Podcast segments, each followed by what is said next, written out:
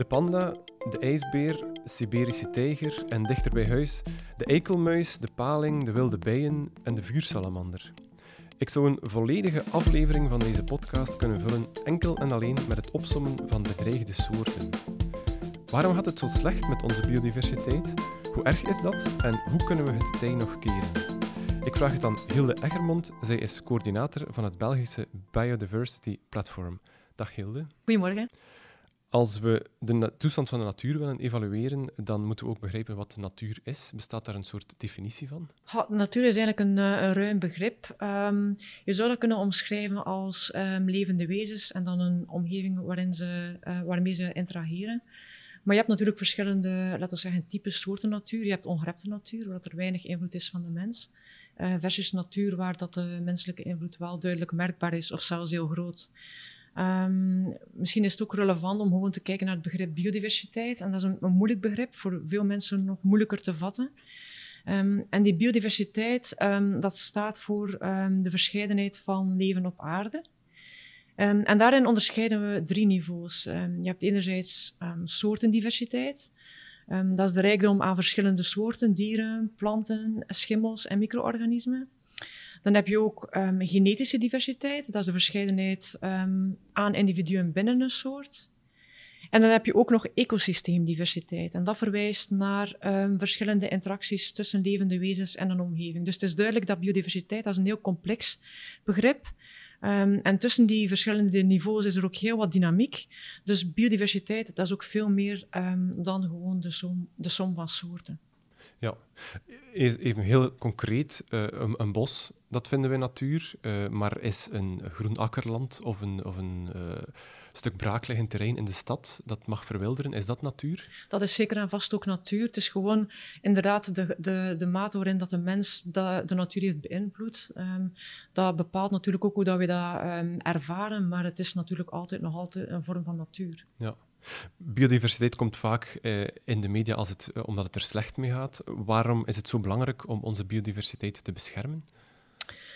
Um, het is zo dat um, biodiverse en, en uh, gezonde ecosystemen, dat biedt ons eigenlijk een taal van nuttige en zelfs um, levensnoodzakelijke diensten. We noemen dat ecosysteemdiensten. En je zou dat kunnen beschouwen als ons gemeenschappelijk erfgoed. Het is het fundament van onze economie. Um, ook van onze voedselzekerheid. Denk maar aan de bestuiving van gewassen door, uh, door bijen en door hommels en door vlinders. Um, gezonde ecosystemen die leveren ons ook um, proper water, proper lucht en zijn ook heel belangrijk voor onze gezondheid. Dus niet alleen onze fysieke gezondheid, maar ook onze mentale gezondheid. Denk maar aan de helende werking van een wandeling in de natuur. Denk dat we dat allemaal in de COVID-tijden hebben mogen ervaren.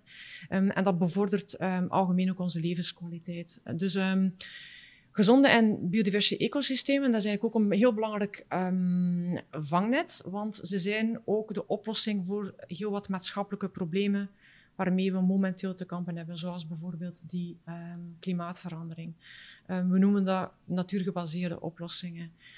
Dus een goed beheer van natuur, dat kan bijvoorbeeld zorgen niet alleen voor een goede biodiversiteit, maar terzelfde tijd dat we het risico op overstromingen tijdens extreme weersomstandigheden verkleinen. Het kan ons achterland beschermen um, tegen stormen, tegen vloedgolven. en het kan ook heel wat menselijke uitstoot van CO2 opslaan. Een ander voorbeeld is misschien groene infrastructuur in de stad, zoals uh, parken en groene daken. Die kunnen zorgen voor een natuurlijke afkoeling in de stad, um, opslag van water en het kan de stad ook algemeen um, leefbaarder maken. Dus het behoud van biodiversiteit, dat is niet alleen belangrijk voor, omwille van zijn intrinsieke waarde, maar ook essentieel voor het voortbestaan van onze samenleving. Ja. Het zat al grotendeels in, in dit antwoord, maar hoe groot is de impact eigenlijk van biodiversiteit op ons leven? Uh, om u misschien een aantal concrete voorbeeldjes te geven. Um, naar schatting 4 biljoen mensen die hangen van een primaire gezondheidszorg af van um, natuurlijke medicijnen. Uh, ook 70% van de medicijnen tegen kanker zijn natuurlijk of zijn een synthetisch uh, product dat geïnspireerd is op de natuur. Um, ook als we kijken naar bijvoorbeeld onze voedselproductie, meer dan 75% van uh, de wereldwijde voedingsgewassen zijn volledig afhankelijk van bestuiving door dieren. Dus dat zijn allemaal nummers en voorbeelden die duidelijk illustreren um, hoe belangrijk dat de natuur is voor onze samenleving en voor onze economie en voor ons voortbestaan. Ja. Hoe gaat het dan vandaag met de biodiversiteit of de soortenrijkdom op aarde? Uh, kan je dat met een cijfer illustreren of, of op een andere manier? Um, wel, het is zo dat het verlies aan biodiversiteit uh, dat dat nu sneller is dan ooit in de menselijke geschiedenis. Uh, het tempo zou nu tientallen tot honderden malen sneller zijn dan tijdens uh, de voorbije millennia. En sommige wetenschappers die spreken dan ook van een zesde uitstervingsgolf.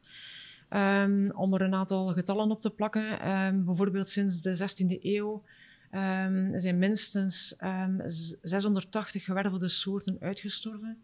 En ook 9% van alle gedomesticeerde zoogdierrassen die we voor ons voedsel en voor onze landbouw gebruiken, die zijn ook um, uitgestorven. Nu, men schat eigenlijk dat zo wereldwijd 1 miljoen soorten met uitsterven zijn bedreigd. Dat is natuurlijk enorm. En dat betreft bijvoorbeeld heel wat amfibiesoorten, koralen, zeezoogdiersoorten, en ook heel wat insectensoorten. Nu, voor insecten is dat beeld iets minder duidelijk. Um, maar beschikbare gegevens die, die tonen toch aan dat dat toch ook om, om 10% van de soorten zou gaan. Nu, naast die achteruitgang van het aantal soorten, um, is het ook zo dat, soorten, dat de, de abundanties, het aantal individuen van een soort ook achteruit gaat. Um, en een heel recent rapport van de WWF, dat werd gepubliceerd een tweetal weken geleden, dit toonde aan dat um, populaties van zeezoogdieren, van zoogdieren, van um, vogels, van vissen, van amfibieën uh, en van reptielen, dat die sinds 1970 uh, eigenlijk een catastrofale daling hebben gekend, met bijna 70 procent. Dus dat is toch wel heel significant. Um, we zien dat bijvoorbeeld ook bij insecten. Heel duidelijk zien we nu dat er bijvoorbeeld veel minder uh, dode insecten aan onze vooruit uh, plakken um, dan pakweg 20 jaar geleden. En uh, onderzoek wijst zelfs uit dat dat tot 80% minder is. Dus die spreken zelfs van een insectenapocalyps. Um, en het is ook zo dat, dat de factoren die verantwoordelijk zijn voor de achteruitgang van de biodiversiteit um, ook de laatste 50 jaar enorm zijn versneld. Ja met uitsterven bedreigd. Wat betekent dat eigenlijk als een, als een dier of een plant met uitsterven bedreigd is? Dat betekent dat, dat er eigenlijk voldoende, um, niet meer voldoende individuen aanwezig zijn om ervoor te zorgen dat die populatie zich kan bestendigen, dat die soort eigenlijk kan blijven bestaan en dat die eigenlijk uitsterft. Dus je hebt een minimum aantal individuen nodig en een voldoende genetische diversiteit opdat een, een soort kan blijven voortbestaan. Dus als die onder een bepaald niveau zakt, dan, dan, dan verdwijnt die eigenlijk. Ja. En is dat meestal een, een point of no return als je eronder zakt? Of kan je dan toch met wat inspanningen die soort terug boven um, de grens Op een natuurlijke manier wordt dat moeilijk. Um, vaak worden soorten um, bijvoorbeeld genetisch gemanipuleerd of opnieuw geïntroduceerd. En dan kunnen we dat eigenlijk de natuur een handje helpen. Nu, de vraag is, dat is natuurlijk ook een ethische vraag. Van, kunnen we dat doen? Mogen we dat wel doen? Moeten we dat wel doen? maar normaal gezien is het zo als een populatie, een soort onder een bepaald niveau zakt, dat dat heel moeilijk wordt om die eigenlijk uh, ja, terug te brengen. Ja. Welke dier- of plantensoorten lijden uh, nu het hardst? Um, dat is eigenlijk moeilijk te zeggen, omdat um, diversiteit, biodiversiteit, dat is heel complex. En ook van heel veel soorten kennen we de status en de trends nog niet. Um, we kennen dat voornamelijk van soorten die zeer gemakkelijk uh, te detecteren zijn. Um, soorten die je op een heel consistente en gestandaardiseerde manier kan meten. En dat je daar dus ook lange termijn gegevens kan van verzamelen. Um, maar rapporten tonen aan dat de, dat de situatie bijzonder problematisch is voor inderdaad amfibiesoorten, koralen, zeezoogdieren, insectensoorten en ook voor uh, bijvoorbeeld akkervogels. Ja. En is de situatie over de hele wereld even problematisch of zijn er gebieden waar het beter gaat dan waar het slechter gaat? Um, biodiversiteitsverlies dat is eigenlijk een wereldwijd probleem. Um, en dat komt omdat drie kwart van, uh, van ons land en ook 66% van ons marien milieu aanzienlijk is veranderd door de mens. Dus dat is eigenlijk een globaal probleem. Um, nu, gemiddeld gezien doen gebieden uh, die beheerd worden door lokale en door inheemse volkeren, die doen het wel beter. Maar ook daar zien we een achteruitgang van de biodiversiteit. Um, daarnaast zijn er natuurlijk ook landen die het beter doen um, en dat we kunnen beschouwen als succesverhalen, zoals bijvoorbeeld um, Costa Rica. daar heeft de overheid na tientallen jaren van ontbossing hele sterke milieucontroles ingesteld en ze investeerden ook miljoenen dollars in bescherming van biodiversiteit en in herbebossing. En en daar is men goed op weg om, om het bosgebied te gaan verdubbelen en ook zelfs om, um, om CO2-neutraal te worden. Dus dat is een succesverhaal.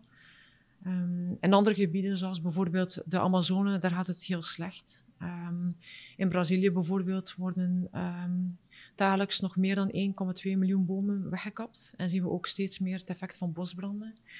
en dat heeft natuurlijk veel te maken met milieuwetgeving die exploitatie van dat Amazonegebied aanmoedigt. En dat is natuurlijk een heel complex probleem. Uh, waarbij dat we niet alleen de vinger moeten wijzen naar Brazilië zelf, maar um, er is heel veel druk en actie nodig, ook van internationale uh, spelers, bedrijven, investeerders, um, overheden. Dus um, iedereen is daar een beetje medeplichtig in. Ja. Zijn er op, eigenlijk op aarde nog ergens plaatsen te vinden? Is er nog ergens natuur te vinden dat niet is aangetast door de mens? Um, ik zou durven zeggen, strikt genomen niet, omdat um, effecten van klimaatsverandering en ook van invasieve soorten, dat zijn soorten die er eigenlijk zijn binnengebracht en die inheemse soorten gaan beïnvloeden. Dat zijn factoren die over de grenzen heen gaan werken. Um, en die kunnen zich dus ook overal laten voelen, ook in gebieden zoals uh, bijvoorbeeld Antarctica, waar dat de directe invloed van de mens, bijvoorbeeld landgebruik, dat is minder zichtbaar. Um, maar toch, die andere effecten die over de grenzen heen werken, die hebben een invloed op biodiversiteit um, overal. Er zijn natuurlijk gebieden die, uh, waar dat de natuur wel relatief onverstoord is. Um, uh, of gebieden waar de natuur heel sterk is beschermd. Uh, gebieden waar we nog wildernis hebben. Maar begin vorige eeuw was, was zo'n 85% van de natuur onverstoord. Nu 100 ehm, jaar later is dat eigenlijk nog zo'n goede 10 tot 20 procent. En ook de landen waar we die wildernis aantreffen, dat is eigenlijk beperkt tot een, een vijftal landen. Dat is vooral Rusland, Canada, uh, de Verenigde Staten, Australië en Brazilië. Dus ook, ook op dat, dat vlak is dat eigenlijk zeer beperkt. Ja. Dat een van de uh, ja, uh, opties om die biodiversiteit te helpen? Is gewoon op bepaalde gebieden wegblijven als mens? Dat proberen te regelen? Um, dat is een beetje de discussie uh, die zich nu ook stelt. Van kunnen we bijvoorbeeld 50% van onze wereldbol um, gewoon voorzien voor uh, natuur en dan 50% gewoon gebruiken? Uh, er zijn heel veel discussies rond. Um, dat, is, dat is niet echt zo'n duidelijk zwart-wit verhaal. Er moet natuurlijk ook plaats zijn voor de mens om, om, om de mens te laten functioneren en te laten leven. Dus het is gewoon een afweging van Um, hoe kunnen we um, een goede relatie hebben met, een, met de natuur? Hoe kunnen we um, echt in, eh, ja, een voldoende balans creëren tussen natuurlijke omgeving uh, en zorgen dat we het systeem niet volledig uitputten of volledig ontwrichten? Zodanig dat we eigenlijk ons eigen, ja, ons eigen, uh, in onze eigen levensbehoeftes ook nog kunnen voorzien. Dus ja. dat is een moeilijk, een moeilijk verhaal. Ja. In de oceanen is de situatie daar even erg als op, op het land? Um, het is moeilijk om um, ecosystemen met elkaar te vergelijken, dus om bijvoorbeeld land met oceaan te gaan vergelijken. Nu, um, algemeen gesproken zien we wel dat de achteruitgang van de biodiversiteit ook, dat, dat we dat ook sterk zien in, in inderdaad uh, oceanen door vervuiling, uh, plastiek, zware metalen. We hebben overbevissing, ook het, uh, we hebben het probleem van het klimaat. Dus effectief zien we daar een probleem. Um, het is wel zo dat uh, de biodiversiteit in bijvoorbeeld de diepzee, dat dat veel minder gekend is dan de biodiversiteit op het land. Uh, en dat komt omdat uh, bijvoorbeeld soorten die um, in of op de zeebodem leven, vaak moeten we kilometers diep gaan om die te kunnen detecteren, om die te kunnen identificeren. Dus um, wat de biodiversiteit in de oceanen betreft, um, valt daar nog heel veel te ontdekken. Er zijn bepaalde soorten, zoals zeevogels, vissen, zeezoogdieren, die kennen we vrij goed. Maar als je dan bijvoorbeeld kijkt naar um, sponsen, naar schelp uh, en schaaldieren, naar micro-organismen, dan zien we dat er eigenlijk nog heel veel te ontdekken valt. En ja. dus we weten eigenlijk nog niet echt goed wat de impact is op die uh, soorten in uh, de diepzee. Ja. Dan is die diepzee misschien zo'n plaats waar die nog niet door de mens is aangetast. Of zelfs daar ook? Ook daar is zeker ja. en vaste impact te merken. Het is gewoon het feit dat we, dat we misschien minder kennis hebben van uh, wat de impact precies is, omdat we die soorten minder goed kunnen identificeren. Ja. Wat zijn eigenlijk de belangrijkste oorzaken van die achteruitgang van uh, de biodiversiteit? Um, er zijn vijf grote, wat we noemen directe factoren. Um, de allerbelangrijkste factor dat is um, de veranderingen in het gebruik van land en de zee. Bijvoorbeeld versnippering en vernietiging van habitat voor voedselproductie. Ehm, vandaag de dag ehm, is het zo dat we een derde van ons aardoppervlak gebruiken voor landbouw en voor, vee, voor veeteelt. En dat we ook natuurlijk gaan ontbossen voor de verstedelijking. Dus dat is eigenlijk de, de allerbelangrijkste factor. De tweede factor dat is uh, wat we noemen overexploitatie. dat betekent het, het rechtstreeks gaan gebruiken van soorten. bijvoorbeeld over de bevissing of ook illegale jacht. Dat speelt ook een heel belangrijke rol. Een derde factor, um, dat is klimaatverandering. Um, die uitstoot van broeikasgassen is sinds uh, eh, 1980 verdubbeld. En daardoor is onze temperatuur gestegen met um, ehm, 0,7 graden. en dat heeft natuurlijk een effect rechtstreeks op onze biodiversiteit. En het wordt ook verwacht dat dat de komende decennia alleen nog zal toenemen. En dat dat soms dat dat ook het effect van bijvoorbeeld het landgebruik zal gaan overstijgen. Een vierde belangrijke factor is um, vervuiling, um, nutriënten, bestrijdingsmiddelen, vervuiling door plastic. Dat is bijvoorbeeld vertienvoudigd sinds uh, de jaren 80. Dat, dat, dat, speelt natuurlijk ook een heel belangrijke rol. De laatste directe factor, dat is wat we noemen die invasieve exoten. dat zijn soorten die um, door het toedoen van de mens in een nieuw leefgebied zijn gebracht en die daar de inheemse biodiversiteit ontwrichten. Nu, dat zijn de directe factoren. En het is belangrijk om te beseffen dat die directe factoren zelf worden bepaald en zelf worden gedreven door um, indirecte factoren.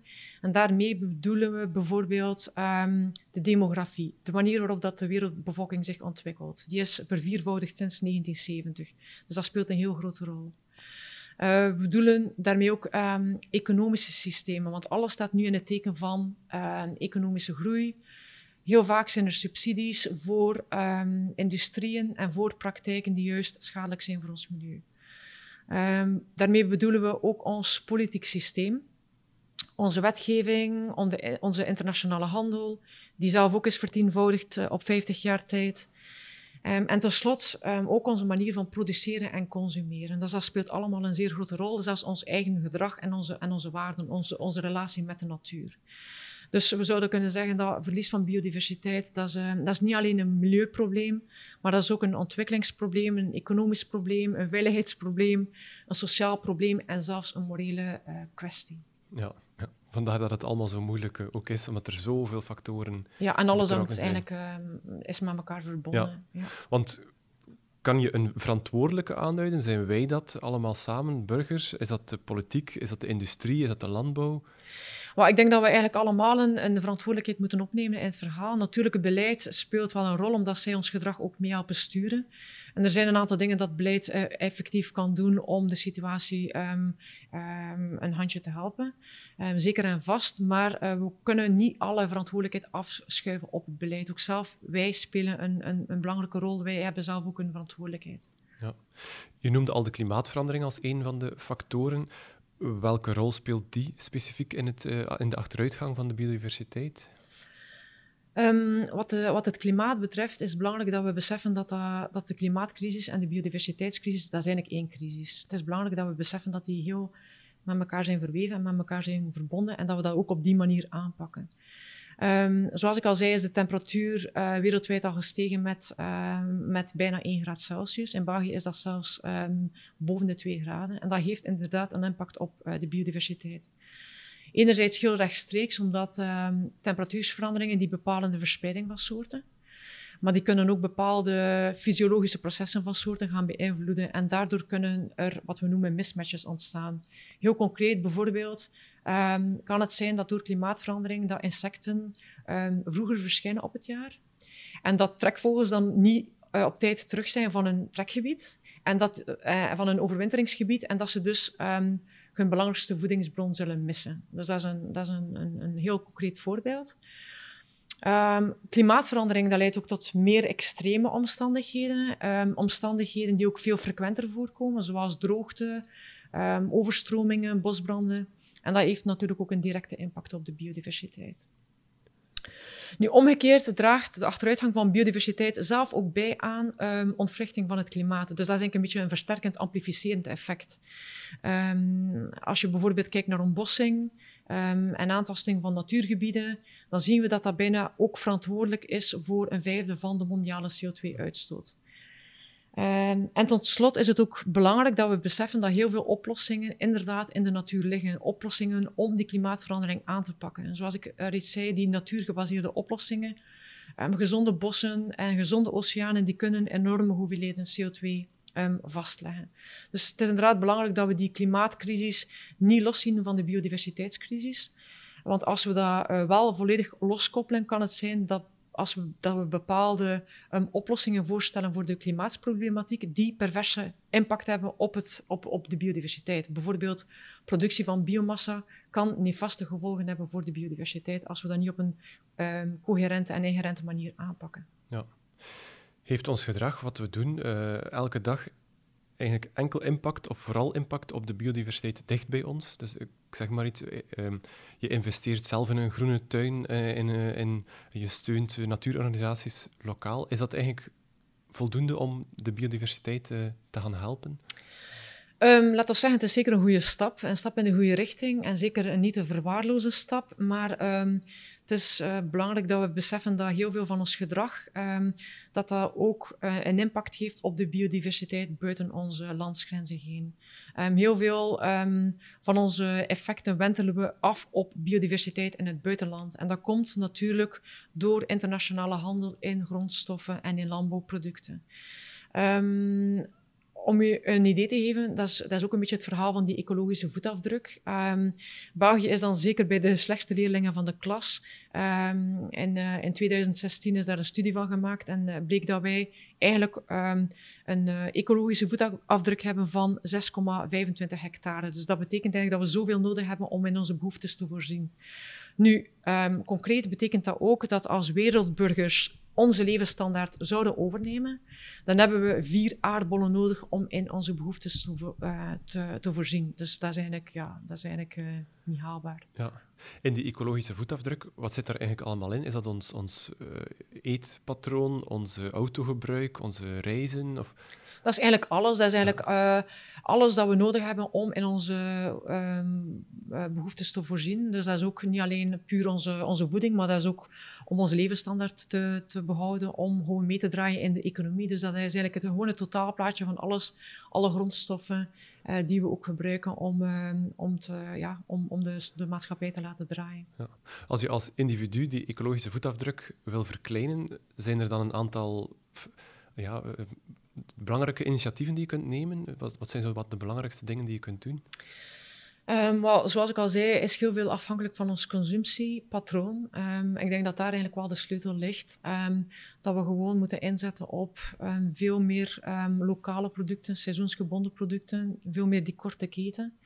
Um, dat we ook moeten ons dieet overschakelen op veel meer plantaardige, op een veel meer plantaardig dieet. Ik denk dat daar ook een hele grote oplossing ligt. Um, dat we ook um, veel minder moeten consumeren en dat we dat op een veel bewustere manier moeten doen en dat we ook veel minder moeten verspillen. Dus ik denk dat we ja, dat er wel heel veel dingen zijn die we zelf kunnen doen door gewoon ons consumptiepatroon aan te passen. Ja. Zijn wij, wij mensen uh, eigenlijk enige verantwoordelijk voor die, uh, dat verlies aan biodiversiteit? Um, laat ons zeggen, als we kijken naar de snelheid waarmee dat nu gebeurt, dan denk ik ja, dan is het wel duidelijk dat de mens daar een grote rol in speelt. Um, laten we zeggen, dus de snelheid en de schaal. Um, nu, het uitsterven van soorten is wel een, ook een natuurlijk uh, fenomeen. Dat is iets wat ook gewoon, ja, dat, dat, wordt ook gewoon bepaald door evolutie. Maar we spreken daar wel over andere tijdschalen. Dus als je bijvoorbeeld in, in de loop van de geschiedenis hebben wij effectief vijf um, extinctiegolven doorgemaakt, waarbij dat 70 tot 90 procent van de soorten zijn verdwenen. Maar dat was door een natuurlijke processen, door ijstijden, door inslagen van meteorieten, door uh, vulkaanuitbarstingen. Wat we nu zien is eigenlijk, ja, dat is bijna een zesde extinctiegolf um, die veroorzaakt wordt door de mens. Als we blijven doorgaan zoals we nu doen, hoe ziet de biodiversiteit op aarde er dan uit over 10, 20 of 50 jaar? Um, dat hangt er een beetje vanaf van hoe dat die, uh, hoe dat die uh, factoren, zowel die directe als die indirecte factoren, gaan evolueren. Dus de wereldbevolking, onze economie, onze technologie, ons politiek systeem en ook een beetje ja, ons, ons, ons, onze waarden en onze normen. Um, en wat er eigenlijk concreet gebeurt, is dat wetenschappers die maken modellen en die voorspellen een beetje van onder verschillende scenario's, wat is dan de uitkomst. Nu is het eigenlijk duidelijk dat onder al die scenario's dat wij al onze doelen voor 2030 en zelfs verder, dat we die nooit zullen halen als we voortdoen zoals we bezig zijn. De vraag is natuurlijk, is er een soort um, kantelpunt, we noemen dat um, een tipping point, waarbij dat hele systeem in elkaar stort en waarbij dat we eigenlijk ook alle ecosysteemdiensten zullen verliezen. Nu, um, wellicht is er niet zoiets als een biodiversiteitskantelpunt, um, zoals we dat bij klimaatsverandering wel hebben. Um, maar door biodiversiteit te ontwrichten, kan je natuurlijk wel bepaalde processen in hang um, zetten, die er dan voor zorgen dat uh, onze planeet in een nieuwe toestand van evenwicht wordt geduwd. Daarnaast is het ook zo dat we een beetje ja, door het verdwijnen van wildernis, door het verdwijnen van die echte natuur, doorheen de tijd, zijn we ook een beetje onze eikpunten verloren die aangeven hoe dat de natuur er ooit uitzag. Dus dat betekent dat we een beetje vergeten zijn van uh, wat er is verdwenen. En we beschouwen die verarmde natuur als ons nieuwe normaal. En dat is natuurlijk heel gevaarlijk. We noemen dat de shifting baseline. Dat is natuurlijk heel gevaarlijk, omdat we, ja, ons referentiepunt is niet meer hetzelfde als bijvoorbeeld 100 of 200 jaar geleden. -hmm. Welke impact heeft een verlaging van de biodiversiteit eigenlijk op die biodiversiteit? Ik bedoel daarmee op het functioneren van het ecosysteem of ecosystemen. Heel concreet, wat gebeurt er als een koolwitje of zelfs de wolf zou verdwijnen? Um, we kunnen soorten niet los van elkaar zien. Uh, we moeten uh, weten dat die um, in een soort um, web zitten en soorten beïnvloeden elkaar. Dat is eigenlijk door evolutie zijn zij op elkaar afgestemd. Dat betekent heel concreet dat als er slechts enkele schakels uh, verdwijnen, dat dat volledig systeem kan worden ontwricht. Dus het is een beetje korter de bocht om te zeggen van oké, we gaan enkel die en die soorten gaan beschermen en daarmee is de, daarmee is de zaak opgelost. Zeker en vast niet. Uh, nu, het is wel zo dat bepaalde soorten een belangrijke rol spelen in het systeem. We noemen dat sleutelsoorten. Dat zijn soorten die Um, die proportioneel uh, een groter effect hebben op de natuurlijke omgeving in vergelijking met een, met een aantal. Um, en zonder die soorten zou een ecosysteem er dus ook wel anders uitzien. En dat is voornamelijk ook het uh, geval voor predatoren zoals bijvoorbeeld de wolf, omdat die een toppositie hebben in de, in de voedselketen. Ja. Is het dan niet zinvoller om alles in te zetten op die sleutelsoorten en eventueel, omdat er te weinig middelen zijn, andere soorten te laten verdwijnen? Um, nee, dus dat denk ik, um, dat is, dat is, biodiversiteit is te complex om daar gewoon een heel zwart-wit verhaal van te maken. Um, en ik, ik, denk dat dat ook die ongenuanceerde aanpak is, een beetje die kortzichtige aanpak die ervoor zorgt dat we vaak verkeerde beslissingen zien in ons beleid, maar ook in onze eigen keuzes. Um, omdat we bijvoorbeeld effectief gaan, gaan focussen op die heel charismatische soorten, maar dat we eigenlijk niet beseffen dat die micro-organismen uh, minstens een even belangrijke rol um, spelen. We zien het niet, maar die zijn er wel en, en die rol is er wel. Ja. Dus je kunt eigenlijk niet echt spreken van nuttige soorten en nutteloze soorten, om het zo ik denk het, Ja, ik denk niet dat je dat zo uh, heel zwart-wit kan, kan indelen. En uh, dat we het systeem gewoon in zijn totaliteit moeten bekijken. En dat, we, dat elke soort wel een, een, een rol speelt in, in het systeem. Ja. En ook dat verlies aan soorten, is dat per definitie slecht nieuws? Of kan het ook zijn dat dat eigenlijk niet zo heel veel verandert aan... Uh, aan de wereld, aan de natuur? Um, in, in mijn visie is dat per definitie slecht nieuws omdat um, minder diversiteit, dat betekent dat systemen minder veerkracht hebben. Um, tegen veranderingen, bijvoorbeeld tegen die klimaatopwarming. Um, ze kunnen zich minder snel herstellen als er een natuurramp gebeurt. Dus die minder veerkracht betekent eigenlijk meer en meer ontwrichting. Dus per definitie is dat slecht nieuws. Ja. ja. Als ik ook advocaat van de duivel mag spelen, we zouden het ook heel cru kunnen zeggen. Misschien hebben we straks geen heel diverse natuur meer nodig als technologie alle zaken die wij uit de natuur halen kan overnemen. Ik denk bijvoorbeeld aan bijen of bestuivers die verdwijnen en dat we er dan een technologische oplossing voor vinden. Um, wel, het is zo dat bepaalde ecosysteemdiensten, um, die, kunnen, die kunnen we vervangen of verbeteren door technologische interventies. Dat is effectief zo. Um, er zijn voorbeelden, bijvoorbeeld ook recyclage van nutriënten dat kan je tot op zekere hoogte vervangen door uh, bijvoorbeeld chemische meststoffen. Maar als je um, kijkt naar die bestuivers van onze gewassen, bijen, hommels, vlinders, wel, daar is het eigenlijk duidelijk dat je zoiets niet door technologie kunt um, vervangen. Um, als je dan ook nog eens weet dat 15 biljoen van onze jaarlijkse landbouwproductie in Europa rechtstreeks kan gelinkt worden aan het werk van bestuivers, ja, dan is de rekening heel snel gemaakt. Ehm, een ander voorbeeld um, is bijvoorbeeld um, het gebruik van natuur wordt nu zelfs ook voorgeschreven door dokters tegen depressies en tegen burn-outs.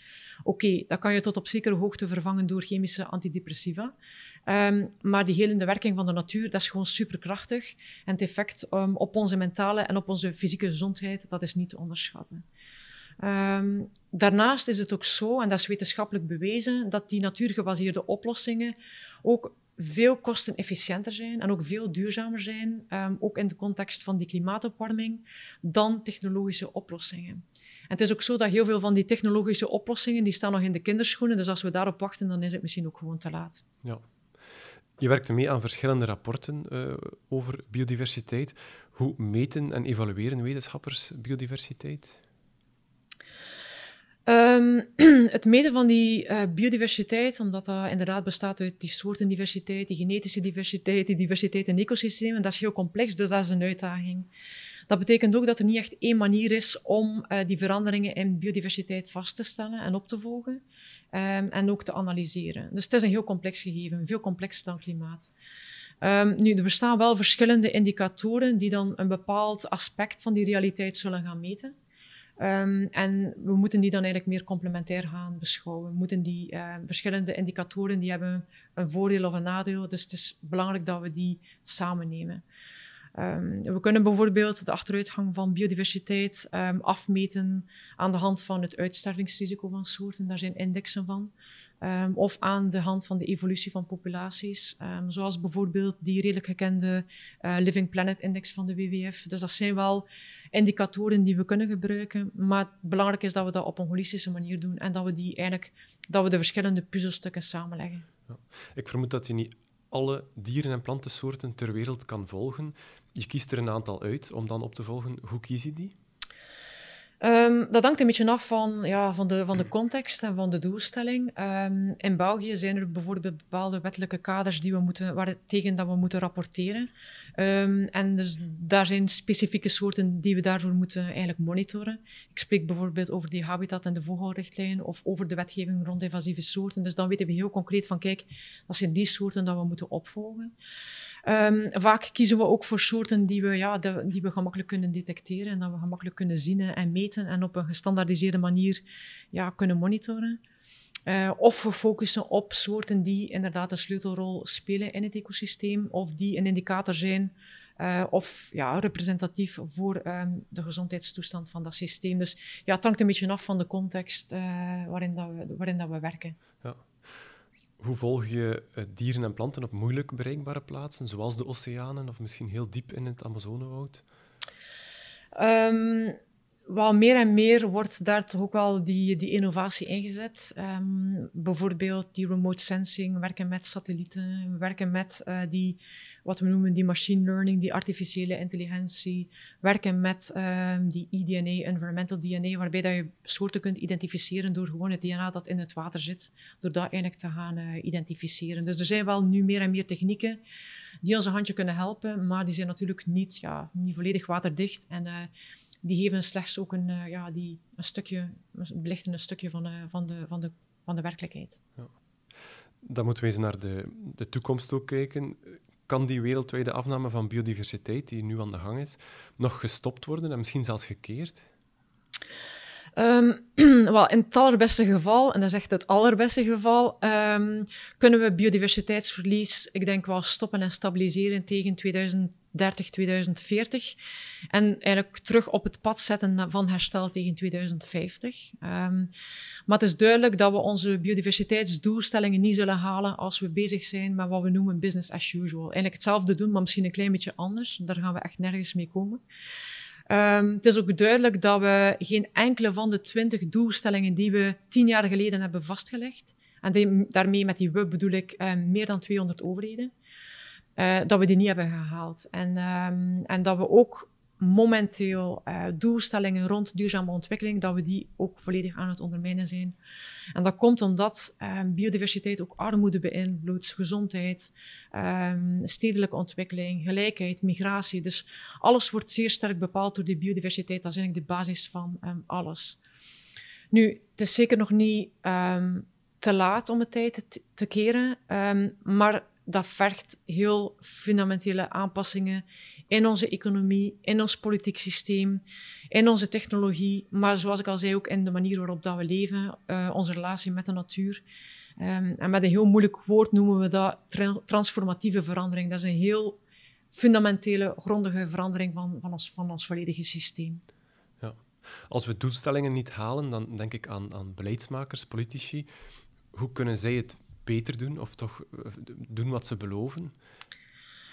Wel, ik denk dat dat inderdaad eh, top-down moet gebeuren door, het, eh, door eigenlijk, ja, ons, ons economisch systeem te gaan hervormen. Bijvoorbeeld weg met subsidies die schadelijk zijn voor het milieu. Weg met, die, met dat paradigma van die economische groei. Misschien ook een keer gaan kijken naar andere indicatoren. Niet alleen gewoon bruto nationaal product, maar misschien indicatoren die ook um, aspecten van onze levenskwaliteit in rekening brengen. Um, bijvoorbeeld meer inzetten op natuurherstel, op, um, op natuurbescherming. Inzetten op die natuurgebaseerde oplossingen. Dingen invoeren die ons consumptiegedrag beïnvloeden. Want ja, wij burgers hebben allemaal ja, we hebben een beetje een duwtje nodig. Dus bijvoorbeeld inzetten op eco-labels die ons duidelijk aangeven van is dat nu fair trade of, of waar komt het product effectief vandaan. Dat we daar ook een beetje in worden gestuurd door het beleid. Um, ja, dus er zijn wel heel veel dingen dat het beleid kan doen, ook, ook uh, in, in, in, termen van samenwerking met bedrijven, zodat we ook het productieproces heel wat uh, duurzamer en milieuvriendelijker kunnen maken. Ja. En wat kunnen wij als individu doen? Uh, bijvoorbeeld, ehm, kunnen we in ons eigen tuin de natuur gaan helpen? Zeker en vast. Ik denk dat het inderdaad gewoon ja, in onze eigen achtertuin begint. Um, door uw eigen tuin een beetje te laten verwilderen, kan je de natuur gewoon terugbrengen? Kan je bestuivers aantrekken die dan ecosysteemdiensten kunnen leveren elders? Dus zeker en vast um, denk ik dat we allemaal iets kunnen doen um, in onze eigen achtertuin. Dat is, dat is een heel belangrijke eerste stap. Um, en dan natuurlijk, ja, zoals ik al reeds aangaf, in de manier zoals, zoals we leven en, en consumeren, produceren. Ja, dat is, uh, dat, daar spelen we in. Ja, dat is een heel belangrijke facet in het verhaal. Ja. Niet alleen de tuin, maar ook onze woningen uh, zijn tegenwoordig niet meer echt aantrekkelijk voor dieren. Vroeger konden nog mussen of zwaluwen of insecten nestelen in allerlei holtes, maar nu is het huis perfect geïsoleerd. Kunnen we onze huizen natuur inclusiever, om het zo te zeggen, maken? Meer de biodiversiteit verwelkomen rond ons huis? Zeker en vast uh, zijn er manieren om dat te doen. Uh, je ziet dat ook meer en meer opduiken in steden, die groene daken. Nu, het is dan wel belangrijk dat je die groene daken op een manier ontwikkelt dat effectief dat die biodiversiteit zich kan ontwikkelen en dat die daar ook blijft. Als je bijvoorbeeld um, slechts één soort um, neerplant op, op een dak, dan zou je daar de biodiversiteit eigenlijk niet mee vooruit helpen. Als je heel concreet kijkt naar welke soorten kunnen we combineren, welke soorten passen hier in het Belgische systeem, um, dan, dan kan je zorgen dat je een, een biodivers systeem creëert die ook um, ja, veerkrachtig is tegen veranderingen. Een systeem dat je, ja, dat je vijf tot tien jaar effectief kan bestendigen. Ik ging nog vragen wie verantwoordelijk is voor het slagen van die hele ommekeer, maar ik vermoed dat het antwoord is wij allemaal, burgers, politici, uh, landbouwers, industrie, dat iedereen daarvoor verantwoordelijk is? Ja, ik denk dat het effectief, ja, dat is, dat is het antwoord op de vraag, gewoon iedereen. Ja. Uh, voor beleid denk ik dat het ook vooral belangrijk is dat uh, biodiversiteit wordt geïntegreerd over alle beleidsdomeinen heen, om ervoor te zorgen dat inderdaad bepaalde um, oplossingen die worden gezocht in één in een bepaalde sector, dat dat dan um, de biodiversiteit niet, um, ja, dat dat geen negatieve gevolgen heeft voor biodiversiteit. Dus dat biodiversiteit niet wordt in, uh, in een soort hoekje geduwd, maar dat we effectief beseffen dat alles afhankelijk is van, van, ja, van een gezonde natuur. Ja. En ben je hoopvol dat dat besef en die ommekeer, dat hier komt? Uh, ik ben een, een, eh, een optimist. um, en ik denk dat zelfs die COVID-crisis um, een beetje heeft bewezen dat het gedrag van mensen dat dat heel snel kan veranderen. Denk maar aan die social distancing, aan, die, aan het dragen van die mondmaskers. Dat zijn, dat zijn dingen um, die we één jaar geleden niet voor mogelijk hadden geacht. Um, maar dat dat is eigenlijk op een paar weken, maanden tijd is dat volledig ingeburgerd. Um, dus ik geloof er wel in, ook bijvoorbeeld wat de aanpassing van ons consumptiegedrag betreft. Maar jammer genoeg moeten we meestal wel ja, een beetje voor een voldongen feit worden gesteld, of moeten we daar een beetje in worden gestuurd. Ehm, de politiek moet natuurlijk ook worden wakker geschud. Ehm, maar ik denk dat we ook hier een aantal heel positieve signalen zien, um, zowel vanuit Europa als ook internationaal. Ja, dan wil ik nog even heel kort naar ons eigen land, naar het lokale niveau. Hoe presteert België tegenover uh, buurlanden of de rest van de wereld op uh, vlak van biodiversiteit? België, uh, er zijn wel zeker um, hoopgevende signalen. Hè. Bijvoorbeeld uh, de wolf is terug, uh, de otter is terug. Um, we zien ook door in, in, een heel recent rapport dat is gepubliceerd dat de, dat de afname van biodiversiteit in België dat dat wat is afgeremd, dat we dat wat hebben gestabiliseerd. Dus er zijn zeker ja, positieve signalen. Nu, anderzijds denk ik dat we ook een beetje eerlijk moeten zijn en dat we moeten toegeven dat de biodiversiteit in België, dat staat nog steeds zeer zwaar in het rood. Zeker als je dat vergelijkt met andere Europese landen. België is eigenlijk één grote stad. Um, dagelijks verdwijnen er nog uh, stukken zeer waardevolle natuur onder het beton. Dus ja, dat is natuurlijk iets wat we niet kunnen negeren. Nu, anderzijds denk ik ook dat het belangrijk is voor de burgers dat we niet altijd zo'n doemscenario ophangen en dat we ook ja, dat we die positieve signalen en die, die positieve dingen dat we, die, dat we oppikken, dat we dat, ja, dat we dat ook voldoende in de media uh, brengen, dat we daar voldoende aandacht aan besteden om ja, aan te tonen van ja, natuurbescherming, natuurherstel. Um, het helpt ook echt wel. Dus uh, er zijn zeker en vast uh, succesverhalen. Dus laten we dat ook een beetje benadrukken en niet altijd ja, die, negatieve, die negatieve verhalen um, de overhand laten halen. Ja. Wat zijn nu de, de grootste uitdagingen nog op het gebied van onze eigen lokale natuur? Ja, ik denk vooral uh, verlies van uh, natuur. Dat we moeten inzetten op uh, natuurbescherming, maar ook op natuurherstel. Um, en dat we gewoon die ruimtelijke planning veel beter moeten organiseren in België. Ik denk dat we daar echt wel, in vergelijking met bijvoorbeeld Nederland, Frankrijk, dat we daar gewoon ja, slecht scoren. Dus daar zit zeker nog heel veel potentieel. Um, en, en ook ja, um, wat betreft, zoals ik reeds zei, die hele klimaatproblematiek, laat ons dat op een heel holistische manier aanpakken. En zeker daar ook een plaats geven aan het hele biodiversiteitsverhaal. Dus er zijn zeker nog zeer veel dingen dat we kunnen doen. En ik geloof ook dat de politiek op een goede weg is. Um, nu zelfs vandaag komt er een virtuele top samen van de VN.